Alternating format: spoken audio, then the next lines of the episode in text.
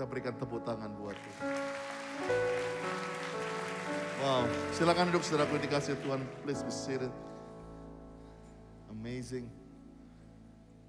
Berapa yang diberkati oleh worship hari ini boleh tepuk tangan yang paling dahsyat buat Tuhan. Thank you buat semua tim yang yang yang create this production. Um, tiga bulan lalu, I give appreciation. Saya bukan nepotism, tapi saya harus harus sampaikan ini bahwa uh, waktu Ines diberikan tanggung jawab untuk membuat production ini, dan dia sungguh-sungguh bilang, Dad, biar tahun ini orang-orang ketemu dengan juru selamat. Dan saya percaya uh, Ines, you did good. Berikan tepuk tangan buat Ines. And Samuel, I mean, this is one of the best arrangement. Berikan tepuk tangan buat Samuel. Ini suara gue kayak ada eko beratnya begitu ya. Luke, I'm your father. Gitu. Oke, okay, just kidding. Well, di rumah-rumah, I hope you enjoy the worship sesama dengan kita di sini. Tapi anggap aja seperti saya sedang ada di ruang tamu kalian. Sedang makan cake Natal dan kita ngobrol hari ini. Gak keberatan ya? Ngobrol pagi ini. Tadi kita lihat yang pertama, sebetulnya apa yang dinyanyikan sejak awal tadi adalah mencoba untuk melihat banyak sepatu di tempat ini. Karena naif banget kalau pastor cuma pakai sepatu hamba Tuhan. Walaupun hamba Tuhan juga manusia yang bisa salah, bisa kepleset, yang bisa. Tapi I try to understand. Dan pagi ini kita mulai dengan dengan kakinya seorang yang namanya seorang pasangan Yusuf dan Maria yang mungkin mewakili kalian yang punya banyak tanda tanya besar mengakhiri akhir tahun ini. Kenapa?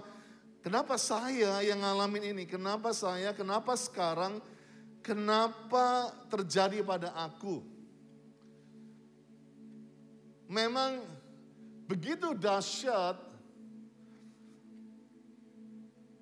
karunia yang diberikan buat Maria. Dia akan mengandung the Son of God.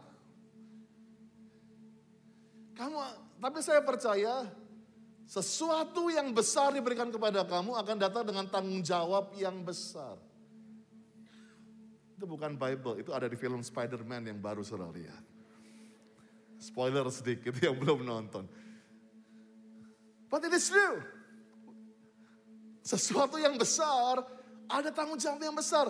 Maria, mungkin kalau dia hidup zaman saya ini, man, kalau bisa pass deh Tuhan. Tetapi dalam tanda tanya besar, dia bilang, aku ini hambamu. Aku suka sekali respon orang-orang yang sedang bingung. Jangan kecut, jangan engkau kecewa, jangan engkau pahit dan engkau bilang, Tuhan kenapa sih saya yang jadi harus doa buat keluarga? Kenapa sih saya yang harus dimaki-maki? Kenapa saya harus ngalamin semua ini? Why? Why? Why? Tapi responnya harusnya seperti Maria. Aku ini hambamu, jadilah padaku sesuai dengan perkataanmu. Semua kita hamba Tuhan, katakan amin. Nah, saya percaya itulah mungkin kau sedang alami di akhir tahun ini. You don't understand why. Dan Pastor ingin kita pagi ini. Jangan kau ngomel dan maki-maki Tuhan yang berkata, Tuhan aku ini hambamu. Jadilah padaku sesuai dengan perkataanmu. Be it unto me according to your word. Dan kita melihat waktu Pipo dan Marshall katakan, I surrender all. Pagi ini kalau engkau sedang mengalami seperti Yusuf dan Maria, engkau tidak mengerti. Maka lagu tadi, aku berserah semuanya. I surrender all. Kalau selama ini kamu cuma menyerahkan mungkin hidupmu 50%, engkau cuma menyerahkan imanmu 70%. Tuhan aku sudah ada di gereja 92%. Tuhan aku sudah punya kepercayaan kepadamu 95%. Tapi Tuhan mau pagi ini, you surrender. Oh, all of your strength, all of your mind, semua kekuatanmu, semua pikiranmu, serahkan kepada Tuhan.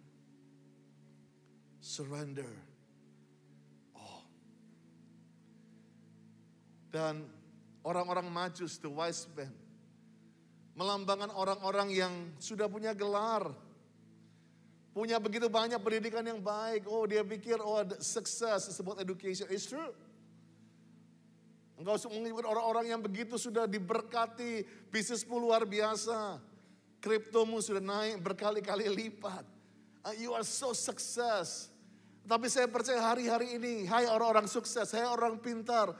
Tapi kalau tiap malam kau berkata, kau punya tanya, tanya besar, kalau aku mati, apakah aku selamat atau tidak? Mungkin kamu seperti Nikodemus yang malam-malam orang profesor ini, dia dia dia punya satu pertanyaan besar. Am I gonna be safe? Apakah aku harus selamat? Kalau aku mati, apakah aku akan masuk sorga? Karena semua orang tidak ada yang bisa kasih kepastian. Moga-mogahan. Ya kalau kamu jalan benar. Ya kalau gini. Nggak ada yang bisa. Cuman, cuman Yesus yang bisa bilang malam itu. Mengenai kelahiran dan, per, dan pertobatan orang-orang yang lahir baru. Dan orang-orang kaya seperti orang majus ini akan Tuhan buat satu kelaparan, kehausan mencari Tuhan. Dan ini akan terjadi di tahun 2022 paradigma baru bahwa Tuhan bukan hanya akan melawat orang-orang di gedung gereja, tapi di kantor, di supermarket, di mall, di sekolah-sekolah ada orang-orang yang bertemu dan mendapatkan Tuhan. Saya percaya inilah yang yang Tuhan katakan I'm go public. Aku udah gak sabar, aku sudah lama dikengkem di gereja. I'm going out. Dan akan muncul orang-orang majus yang yang perlu dua tahun untuk mendapatkan Yesus. Orang-orang yang mencari Tuhan. Karena kekayaan dan gelar itu tidak bisa menjamin.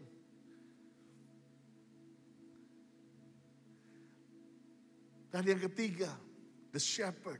Pelambangan orang-orang yang terlupakan, yang terhina, yang yang mungkin punya masa-masa lalu yang begitu buruk. Orang-orang yang gak pernah ditaruh di spotlight. Mereka ditaruh di dekat kambing, dekat domba yang bau. Mereka dalam kegelapan, kerjanya di hari yang gelap. Mungkin orang-orang ini udah gak dapatkan kesempatan di masyarakat. Shepherds melambangkan orang-orang yang yang mungkin sudah merasakan hidupnya ditakdirkan melarat, ditakdirkan kehilangan kasih, ditakdirkan untuk hilang dan tidak akan pernah mendapatkan pelukan.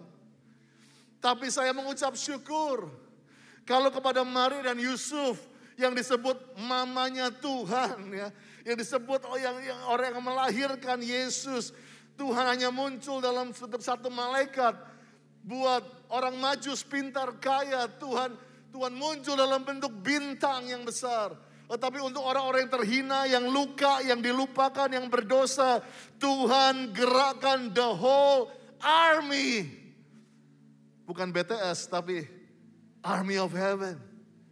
Dia munculkan bala tentara sorga. Dia munculkan seluruh malaikat itu. Kalau satu malaikat buat Saulus buta. Can you imagine? Satu bala tentara, the choir of heaven. Muncul para orang-orang yang hilang ini. Mendapatkan private concert. And the message of the Christmas. Dunia bilang hanya yang kaya saja yang bisa menikmati buffet di hotel-hotel mewah. Tapi justru pesan Natal justru yang terhina, yang terhilang, yang mendapatkan yang terbaik. So the message of Christmas bukan bukan hanya mengenai apa yang kamu makan dan kamu minum. Tetapi ada satu satu hal yang dahsyat. Waktu Tuhan bicara kepada para gembala di Lukas 2 ayat 10. Lalu kata malaikat itu kepada gembala ini. Jangan takut. Semua teriak jangan takut. Ayo lebih keras jangan takut. Saya percaya pagi ini Tuhan tadi sudah angkat banyak ketakutan dalam hidupmu. takut bangkrut, takut gagal, takut cerai, takut binasa. God sedang menyembuhkan hal itu. Jangan takut. Sesungguhnya aku memberitakan kepadamu ada kesukaan yang besar. Ada kesukaan yang begitu besar. Kita kita miss this. Kesukaan besar itu kalau sorga bilang ada kesukaan yang besar, saya percaya dunia nggak bisa handle. Dunia nggak bisa sebetulnya menghadapi. Kalau sorga itu bersuka, saya percaya dunia itu hanya bisa merasakan lawatan kemuliaan Tuhan yang dahsyat.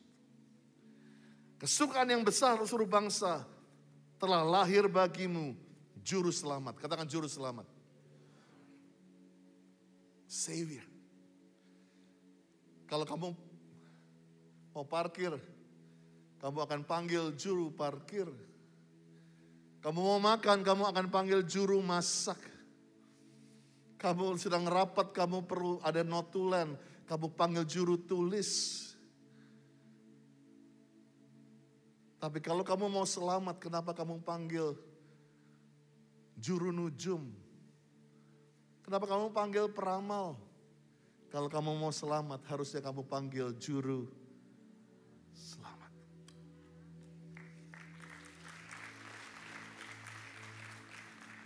We miss this.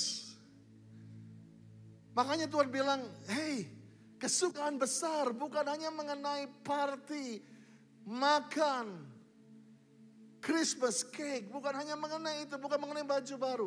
Kesukaan besar Aku datang sebagai juru selamat. Memang Yesaya 9 berkata, seorang anak terlahir untuk kita, seorang putra diberikan untuk kita, pemerintahan di bahunya, namanya disebutkan penasihat ajaib, Allah yang perkasa, Bapa yang kekal, Raja damai. Tapi saya percaya inilah, ini nama-nama Tuhan yang dahsyat. Tetapi saya percaya Tuhan gak bilang kesukaan besar karena ada penasihat ajaib, ada perkasa, ada Bapak yang kekal Raja Damai. Tetapi kesukaan yang besar sebab dia disebut juru selamat. Seorang dokter waktu dia menyembuhkan pasiennya, pasiennya sembuh, dokternya bukan berarti harus jadi sakit. Yang mengerti katakan aha. You get this, mean, seorang tabib Aku kasih resep, sembuh. Ini gak harus sakit. Penasihat ajaib, gua nasihatin lo, jadi pintar, jadi oh jadi jadi punya hikmat. Yang kasih nasihat gak harus jadi goblok. No. Tapi hanya yang disebut juru selamat, yang diselamatkan selamat tetapi dia jadi tidak selamat. Itu hanya itu perbedaan. Kita sering kali miss this. Kita suka sekali nama semua karena kita suka ini. Tapi sebetulnya ada satu yang beda. Waktu kita sebut juru selamat, oke bilang, oh kita senang kita selamat, tetapi yang menyelamatkan tidak selamat. Inilah bedanya Savior dengan semua hal ini. Beberapa orang yang orang tuanya meninggal, yang anaknya meninggal dalam COVID ini. Berapa mereka nangis peluk saya bilang, Pastor, bisa nggak yakinkan saya orang tua saya pasti masuk surga. Yakinkan saya Pastor kalau istri saya pasti masuk surga. Yakinkan saya kalau anak saya masuk surga. Saya bilang saya nggak bisa jawab karena I don't know. Kenapa Pastor kan dia ke gereja sama saya. Dia kan ada dalam dalam choir Pastor. Oh dia kan Bapaknya pendeta, dia kan hidupnya baik, dia kan gak pernah. Pasti dong, pastor, yakinkan saya. Saya bilang, no bro. Kalau gue bisa yakinkan, karena Alkitab gak pernah tulis mengenai itu. Apa yang Alkitab tulis, yuk kita samakan landasan kita pagi ini. Karena yang pertama Roma 3.23, semua orang telah berbuat dosa. Katakan semua orang. Mungkin kau bilang, gua cucunya, cucunya Billy Graham. Semua orang. Oh saya masih keponakannya Pak Niko. semua orang. Saya udah buat baik, saya udah udah sumbang yatim piatu, saya nggak pernah cipo orang, saya nggak pernah makan duit orang. Semua orang. Masalahnya gue harus kembali ke Bible. Karena ini sering kali kita lupa, kita punya, kita mau jadi kreatif seperti itu. Tapi Tuhan bilang, semua orang telah berbuat dosa, termasuk saya, Pak Monty, all the pastors, semua orang di sini. Telah berbuat dosa dan kehilangan kemuliaan Allah. Jadi we have to agree with this, semua orang. Anaknya Brian Carla yang baru lahir tadi malam, semua orang. Semua orang berbuat dosa. Kehilangan kemuliaan Allah. Yang kedua Roma 6:23 berkata dan upahnya dosa atau hasilnya kita berdosa semua orang ini maut.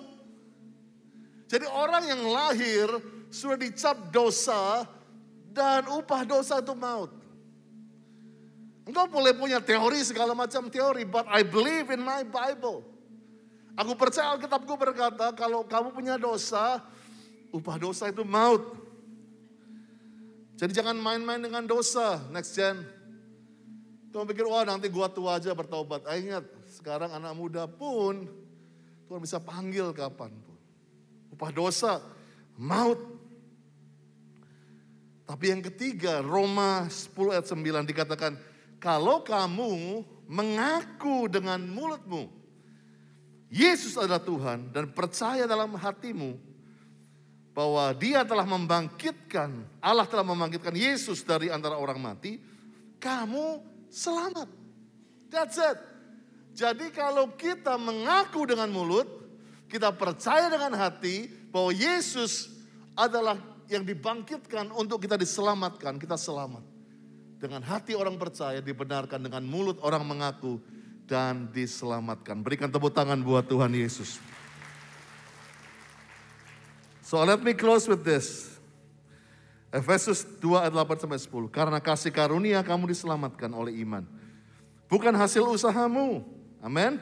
Tetapi pemberian Allah. Itu bukan hasil pekerjaanmu. Jangan ada yang memegahkan diri di sini. Karena kita ini buatan Allah, made in heaven. Diciptakan dalam Kristus yang untuk melakukan pekerjaan baik yang dipersiapkan Allah sebelumnya ia mau supaya kita hidup di dalamnya. Tiga hal pesan Natal pagi ini. Keselamatan yang pertama kasih karunia. Katakan kasih karunia. Bukan usahamu. Bukan karena orang tuamu punya warisan. Bukan karena pekerjaan baikmu. Tapi kasih karunia. Kenapa kamu dipilih dari 7 miliar manusia yang bisa dengar pesan Natal ini pagi ini? Kenapa bukan kamu yang sedang mau lompat dari jembatan itu untuk bunuh diri? Kenapa bukannya kamu yang di rumah sakit jiwa? Kenapa bukannya kamu yang sedang dalam panti rehabilitasi? Kenapa bukannya kamu yang harusnya udah ada di peti mati itu? Kenapa kamu yang masih hidup? Kenapa yang kamu masih survive di tahun 2021 ini? Dalam Natal ini jawaban cuma satu. Kasih karunia. That's it. Sehingga engkau harus tahu hari ini. Jangan bilang, oh kenapa gue jadi Kristen di zaman ini. Bro, is kasih karunia. Ada orang yang mau selamat gak bisa hari-hari ini. Uangnya banyak, tapi bunuh diri. Uangnya banyak, tapi cerai dan cerai dan cerai. Orang mau dapetin apa yang lu dapetin pagi ini. Tapi kita sering kali bilang, wow, gua tersiksa jadi Kristen. Apa enaknya? Saya mau katakan, kalau kamu bisa dengar pesan ini, kasih karunia. Mungkin engkau, kenapa gua ditipu ke sini bilangnya mau makan siang, mau Christmasan, gua diajak ke gereja. Kasih karunia bro. Kalau kalian bisa dengar pesan ini, itu kasih karunia. Kedua, semua ini karena kemurahan Tuhan. Katakan kemurahan Tuhan, karena cintanya Tuhan sama kalian. For God so love the world. Karena begitu besar kasih Allah kepada dunia ini. Kata dunia dalam Yohanes 3:16 adalah orang bejat, orang yang dosa, orang yang rusak, orang yang gak punya pengharapan. Tapi Tuhan itu so in love. Begitu besar Bahkan kata begitu besar, kata aslinya adalah cinta yang reckless. Cinta yang gokil kalau saya boleh bahasa ini. Kalau saya boleh kata-kata prokem, dia katakan cinta yang waduh rasanya mau berkorban, rasanya mau apa saja. For God so love orang-orang berdosa. Karena begitu besar kasih Allah pada orang yang sakit, orang yang hilang. Dia memberikan. Dan saya percaya, kalau kamu gak siap jadi gila, jangan pernah mulai bercinta. Itulah cerita Dylan 2022. That's true. Jangan main-main bilang I love you. Tapi kamu gak pernah become so crazy in love. Di tengah dunia yang semakin gila, name it hari-hari ini. Saudara-saudaraku, Bapak Ibu Saudara, dunia akan dibuat semakin gila. Dibuat semakin tidak masuk akal. Guru perkosa muridnya, orang tua bunuh anaknya, everybody so crazy. Dan di tengah dunia yang semakin gila ini diperlukan kasih yang semakin gila. Kasih yang semakin reckless. Kasih yang semakin luar biasa. Kita nggak bisa setengah-setengah. Tuhan menunjukkan for I so in love. Dan yang ketiga, salvation tadi kasih karunia yang kedua adalah Kemurahan yang ketiga, waktu kita diselamatkan, kita kembali kepada gambarannya Tuhan. Kita kembali kepada blueprintnya Tuhan. Nggak ada di sini yang Tuhan jadikan engkau pecundang, yang kalah, yang tertolak. Tuhan punya rencana yang besar waktu buat saudara. Mungkin engkau bilang, oh pastor, kenapa aku lahir di keluarga ini? Kenapa aku lahir dalam masa ini? Kenapa aku harus berbuat ini? Aku udah rusak kalau gambar masih bisa di, dihapus mungkin, tapi aku sudah robek. Apa pun keadaanmu, Tuhan akan buat engkau kembali ke gambarannya. Saya akan lihat orang-orang yang utuh gambarnya keluar dari pintu ini. Saya akan lihat orang-orang yang bisa bersuka cita. Orang-orang yang bisa lepas drugs. Orang-orang yang bisa lepas dari free sex. Orang-orang yang bisa berkata besok lebih baik daripada hari ini. Because Jesus with me. Kamu kembali kepada gambaran. I'm gonna close with this. Bethlehem adalah awal. Tetapi diakhiri di Golgota, di Kalvari. Banyak orang celebrate Bethlehem. Tetapi Bethlehem tanpa Kalvari cuman entertainment.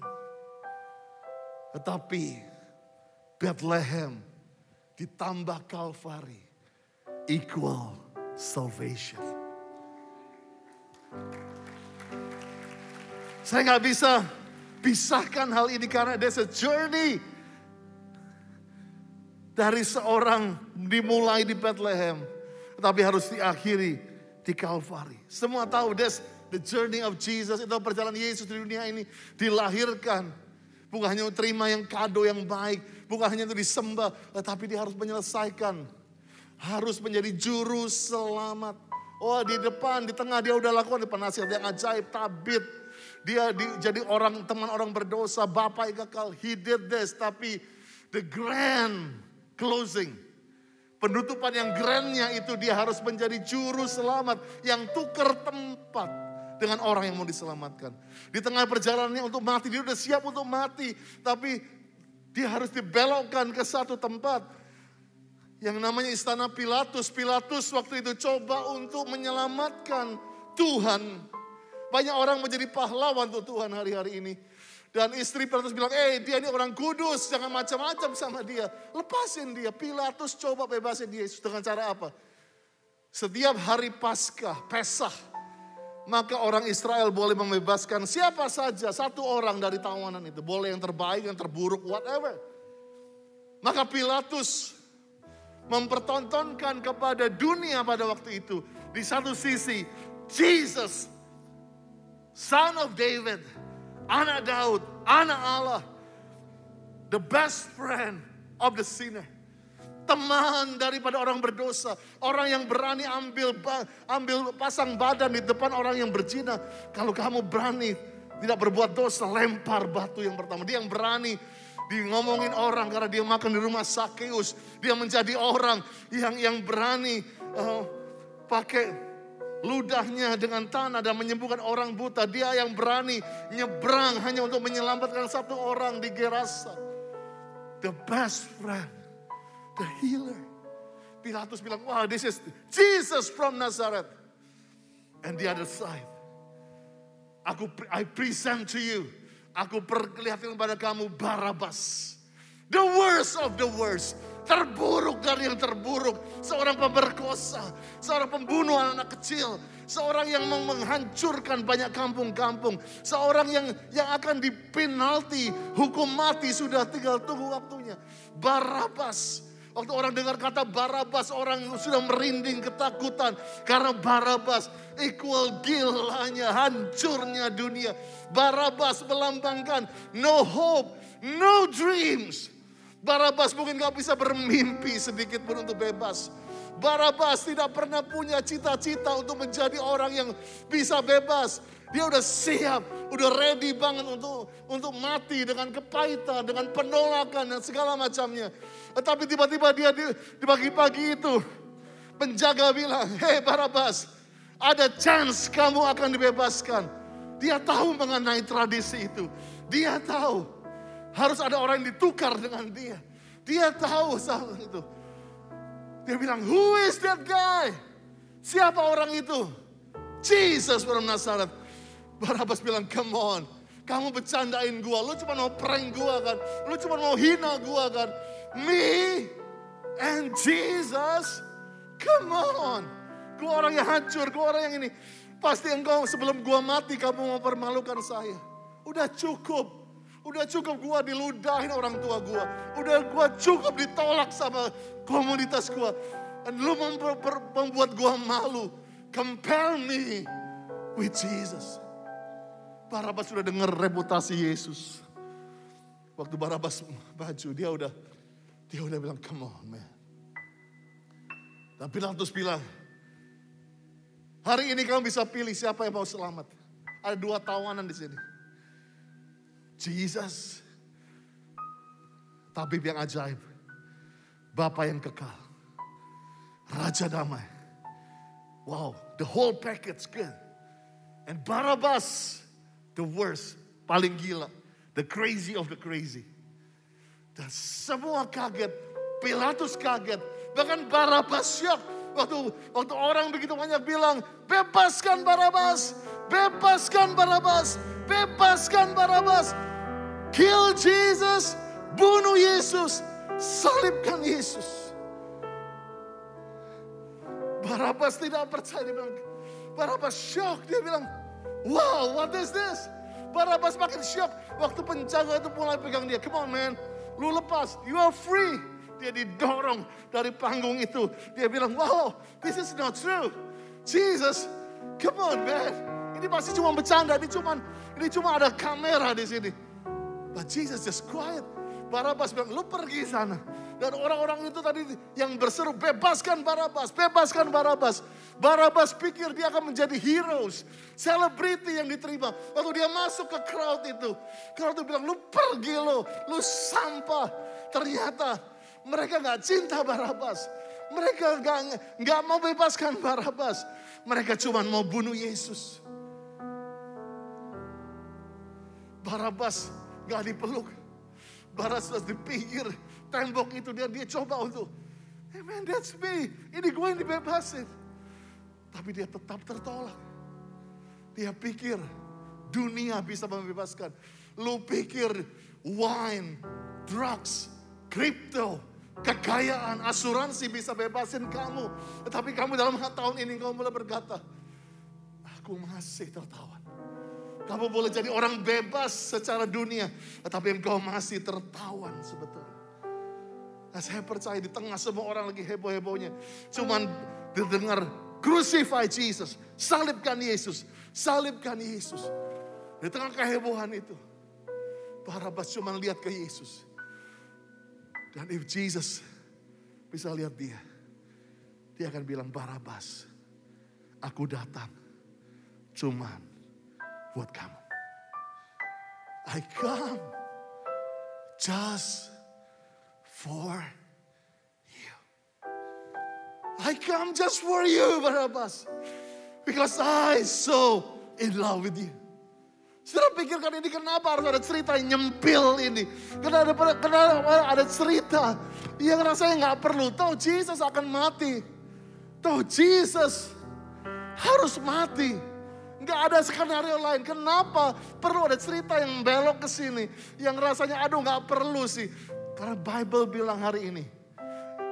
Jesus come for you. Yesus datang buat engkau. Yesus datang untuk menyembuhkan engkau. Yesus datang untuk membebaskan engkau.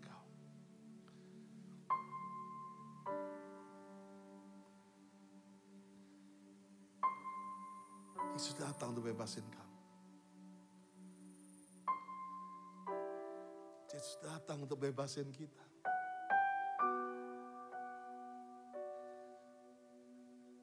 Yesus datang supaya kita masih punya pengharapan. Kau bilang, Pastor, hidupku itu buruk banget. Mungkin aku lebih jahat dari Barabas. Gak salah Tuhan. Gak salah Tuhan. Karena Tuhan bilang, I come just for you.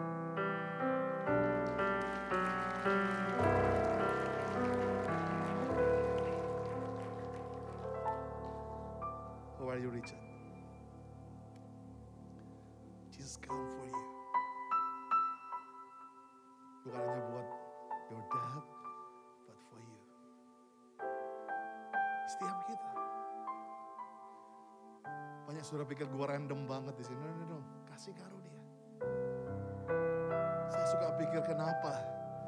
Kenapa saya masih hidup? Kenapa bukan Om Roy? Kenapa bukan Om David? Kenapa bukan Om Jimmy Mulia yang hidup? Kenapa gue yang masih hidup?